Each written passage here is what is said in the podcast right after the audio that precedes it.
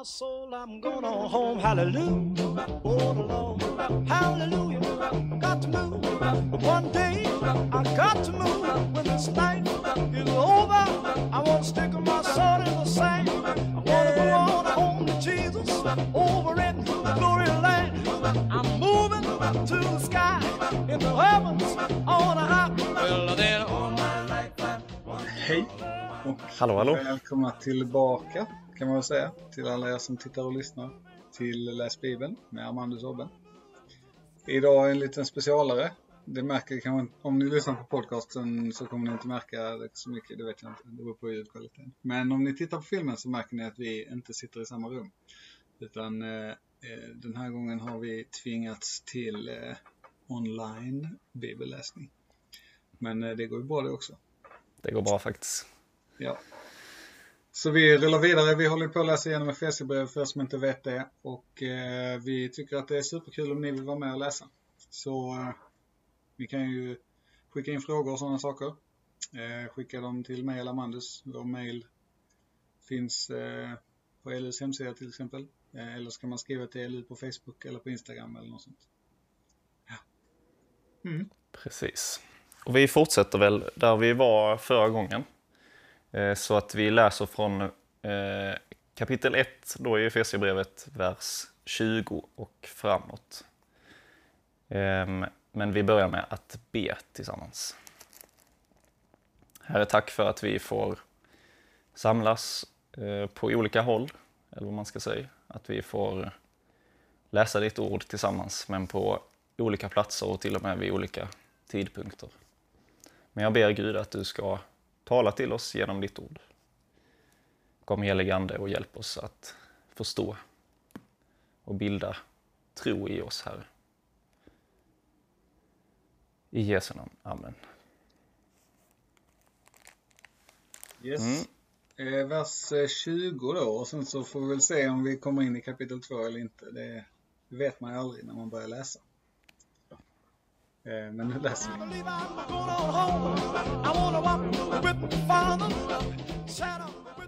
Var vill du börja, Obben?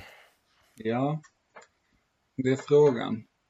Jag tänker det som är, eller ta upp min bibel så jag har den i handen och inte på bordet. Men alltså jag tänker just den här första, det är ju när vi delar upp, eller vi, det är inte vi som har gjort en uppdelning, men när man har delat upp bibeln i stycken och sånt.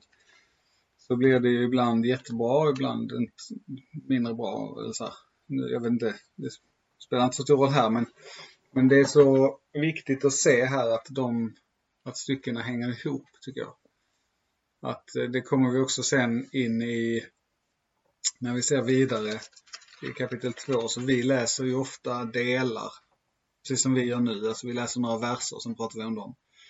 Men eh, när Paulus skriver så skriver han ju ett brev. Liksom. Mm. Ehm, och det ser man så tydligt här just i styckena som hos oss, i min bibel heter det först apostelns förbön 15 till 19 och sen från död till liv 20 till 23.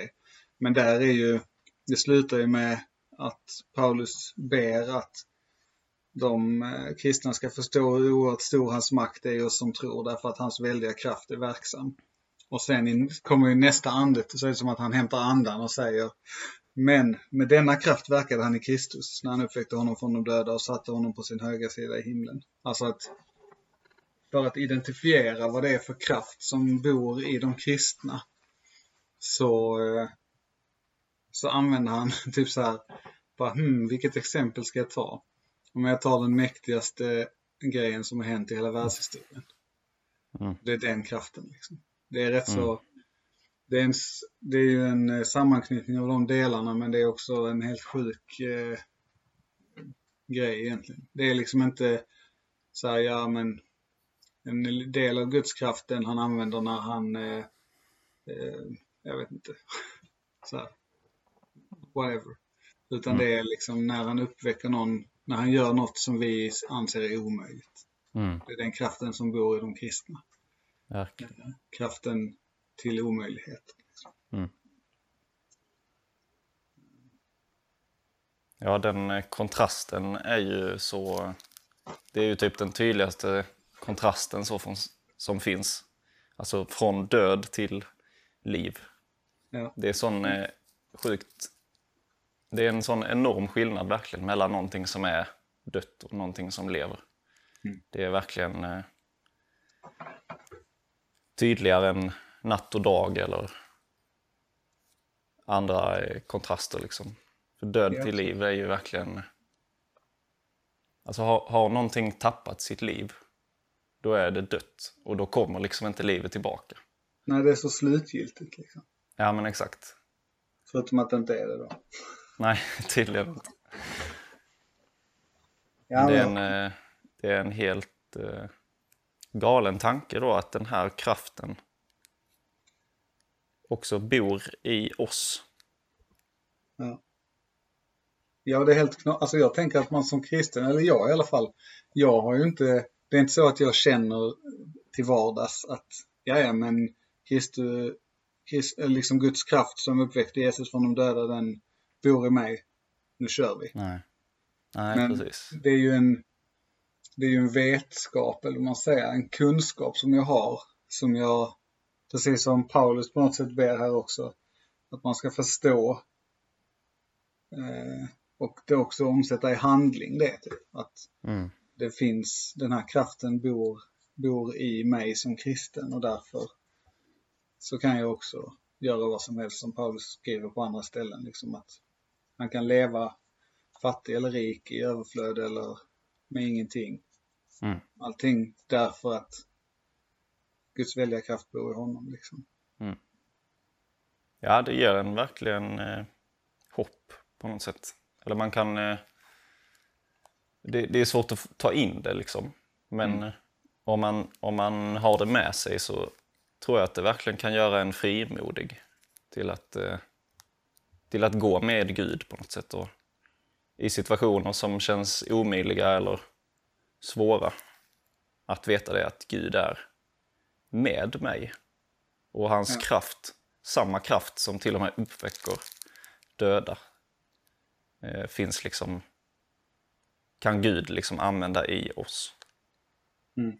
Och jag tänkte på det med, det är inte bara att det står att han uppväcktes från de döda, utan det är också vidare där att,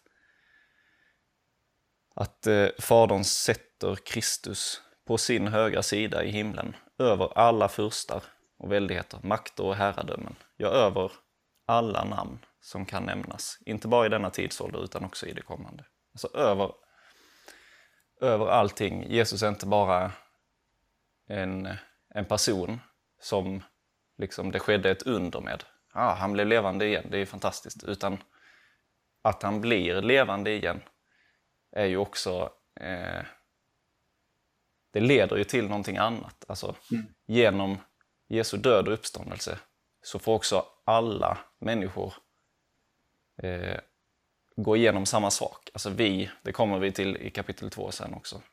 Att också vi blir levande genom att Jesus inte bara dör och uppstår utan också blir liksom herre överallt. Mm. Han tar bort eh, udden, alltså dödens udd på något sätt.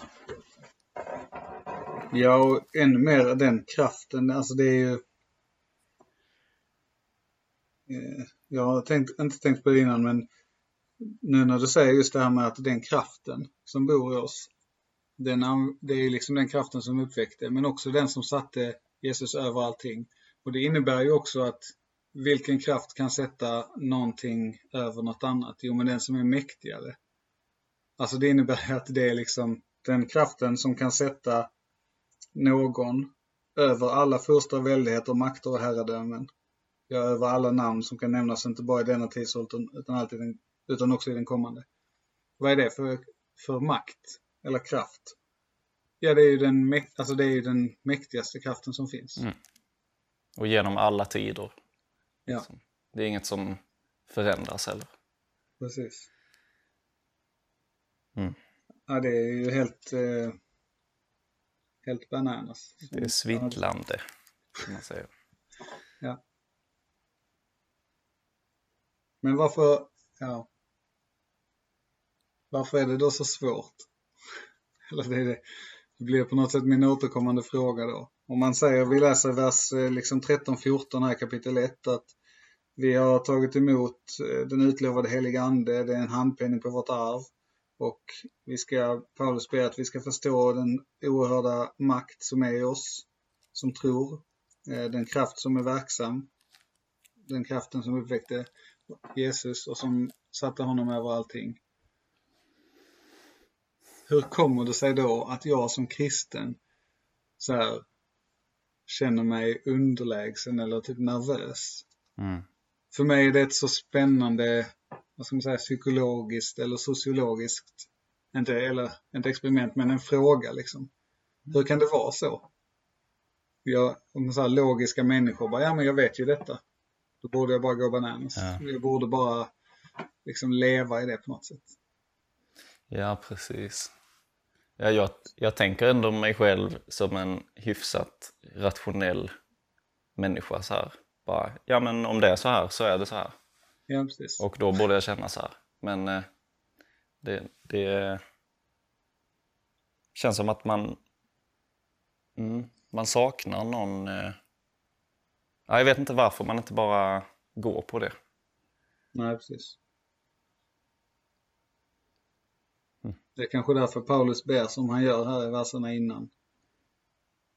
Så att Mm. våra hjärtan ska upplysas så att man, ni förstår vilket hopp han har kallat er till, hur rikt på härlighet hans arv Mm. är bland de heliga, hur oerhört stor hans makt är oss som tror. Så det får ju på något sätt bli en ständig bön då. Mm. För att man ska drivas ut liksom Mm. till andra människor. Ja, det är väldigt sant. När jag tänker på, på äldre människor som man känner, som har levt väldigt länge med Herren, så är det ju ofta... Alltså det, det är en sån trygghet i, i dessa människor. Alltså de har verkligen landat i att Gud har all makt. Allting som händer, liksom, allting är under hans kontroll. Mm. Och det finns en enorm vila i det. Och det är kanske inte så ofta man ser det hos unga människor faktiskt. Det finns mycket annat eh, positivt liksom, med att vara en, en ung eh, kristen som kanske lever på ett väldigt radikalt sätt eller är väldigt mån om att missionera till exempel, eller vad det nu kan handla om. Men eh, det kanske är någonting som man faktiskt ser ganska sällan hos unga människor. Den här eh, vilan på något sätt i tron. Vilan i att Gud är i kontroll. Man, man flänger liksom inte, det känns som att gamla människor inte påverkas lika mycket av ett nederlag eller om någon människa skulle liksom trycka ner dem på något sätt, utan då, ja, de kanske tar lite illa upp så, men, men de kan ändå på något sätt eh, landa i det. Och Ja. eh, se att det finns en det finns någon annan som, som har satt värdet på mig och man är kanske inte lika mån om att vinna den bekräftelsen hos andra människor till exempel. Nej, det är väl på något sätt erfarenheten av Guds trofasthet. Mm. Eller erfarenheten av de här liksom hoppet och härligheten och makten och kraften. Ja, och att det är en process liksom. Ja, Det- precis. Det är någonting som man får leva i under en längre tid liksom, och, och man får växa i det. Och sen faller man kanske tillbaka ibland men att det är ändå någonting som händer i en. Ja. Det blir spännande att eh, se om det är en massa äldre nu som skriver in att så är det inte alls. Nej, precis. Kanske det. Men eh, ja. Jag lyssnade faktiskt, det var ett undervisningspass eh, som jag lyssnade på, så, så var det ett citat av Magnus Malm som nämndes. Det känns som det ligger lite på det här i alla fall. Och då skrev han så här. Eh, mätta mig var morgon med din nåd så att jag slipper möta andra människor hungrig. Mätta mig var morgon med din nåd så att jag slipper möta andra människor hungrig. Och det är på något sätt en, en bön som jag tycker säger någonting. Alltså om vi människor kan, om vi hittar vår bekräftelse, om vi ser vår identitet, vilka vi är, i Gud, så slipper vi liksom ödsla tid och kraft på att försöka hitta den i andra människor. Och det gör oss till människor som är mycket mer närvarande och, och kan, eh, kan slappna av på ett annat sätt. Det känns som vi, nu glider vi ifrån lite texten men Det får man göra när man poddar. Ja. ja. Jo, men jag tänker det också. Jag håller med. Om allt. Det är bra. Jag tänker just om man bara jag, läser vidare här nu. Mm. vers 22 och 23. Allt la han under hans fötter och honom som är huvudet över allting gav han åt församlingen som är hans kropp, fullheten av honom som uppfyller allt i alla. Alltså om man tänker då, eller jag tycker den meningen är så häftig också. Honom som är huvud över allting gav han åt församlingen. Mm. Alltså, fadern ger sonen till församlingen. Eh, som är hans kropp. Fullheten av honom som uppfyller allt i alla. Alltså det är min hjärna har på något sätt svårt att få ihop alla de här turerna. För det känns som att när jag läser detta så läser jag det som att Jesus är i församlingen samtidigt som de är hans kropp. Mm. Och han är ju, uppfyller allt i alla, alltså även i församlingen. Men församlingen är samtidigt fullheten av honom, Jesus. Mm. Eller i alla fall är kallad att vara det. Så det blir Mm. som någon sorts, det är den här, det är som treenigheten på något sätt, den här bilden av att man eh, är eh, samma men ändå inte på något sätt. Mm. Ehm, som jag tycker är jättesvår och väldigt spännande. Mm.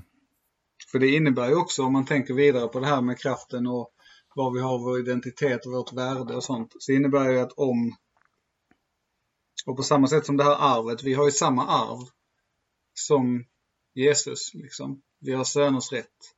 Eh, om han, om liksom vi är fullheten av honom, eller om vi är hans kropp,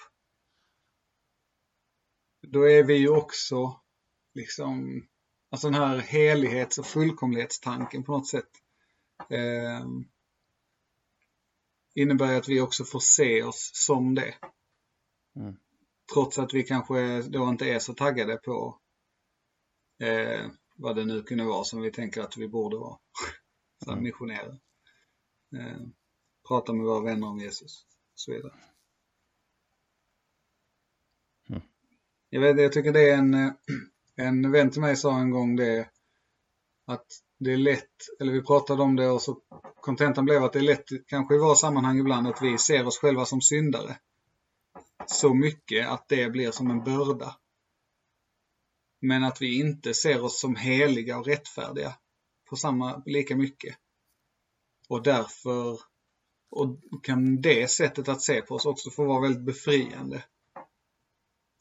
Alltså om hela, om, om vi är redan, om den här väldiga kraften är verksam i oss och om vi är fullheten av honom som uppfyller allt i alla och, och Kristi kropp, då är vi ju liksom, det är helt sjukt. Ja, det är det verkligen. Då är vi ju, då är vi liksom heliga, rättfärdiga. Vi, när Gud säger på många ställen i Bibeln, Bibeln att ni ska vara heliga precis som jag är helig, så bara ja, det är vi. Mm. Det är ett helt sjukt sätt att se på sig själv. Ja. Eller jag tycker det. Det är ju rätt. Ja, det är verkligen. Men det blir helt, alltså, det är inte så jag ser på mig själv.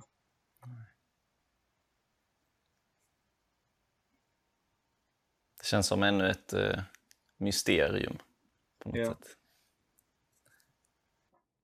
Men vad innebär det då att, eh, att Jesus är huvudet för församlingen? Vill du gå dit? jag vet inte. Jag försöker, jag har en sån fuskbibel med massa extra anteckningar så jag försöker läsa det. Men det står inget om just det. Om vi tänker att eh, församlingen är kroppen Mm. så eh, kan man ju tänka att en kropp inte är så mycket utan sitt huvud. Nej. Det finns, eh, det finns vissa människor som lever utan vissa Utan kroppsdelar. Det finns dock inga som lever utan huvud.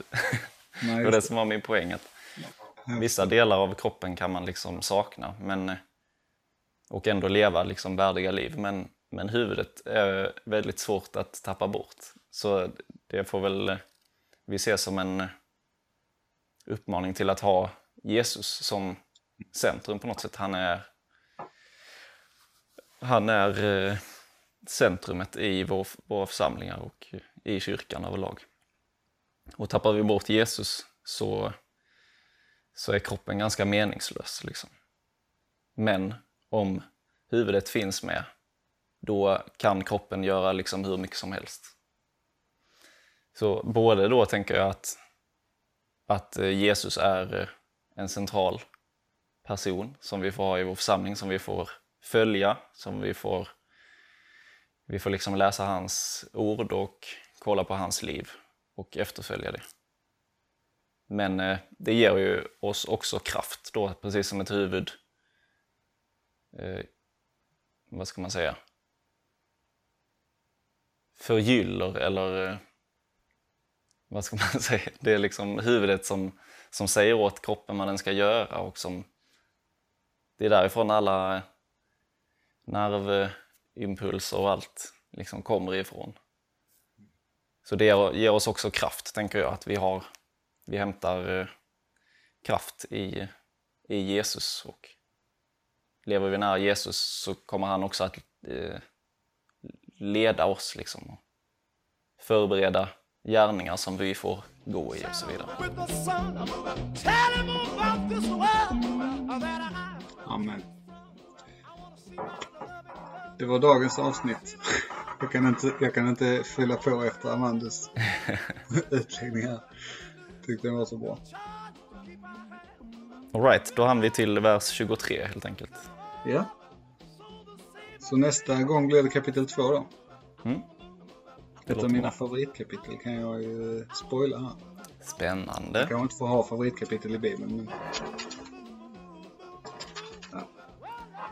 Så är det. Okej, då säger vi så. Ja. Hör av er eh, med eh, frågor och eh, tankar. Allt möjligt.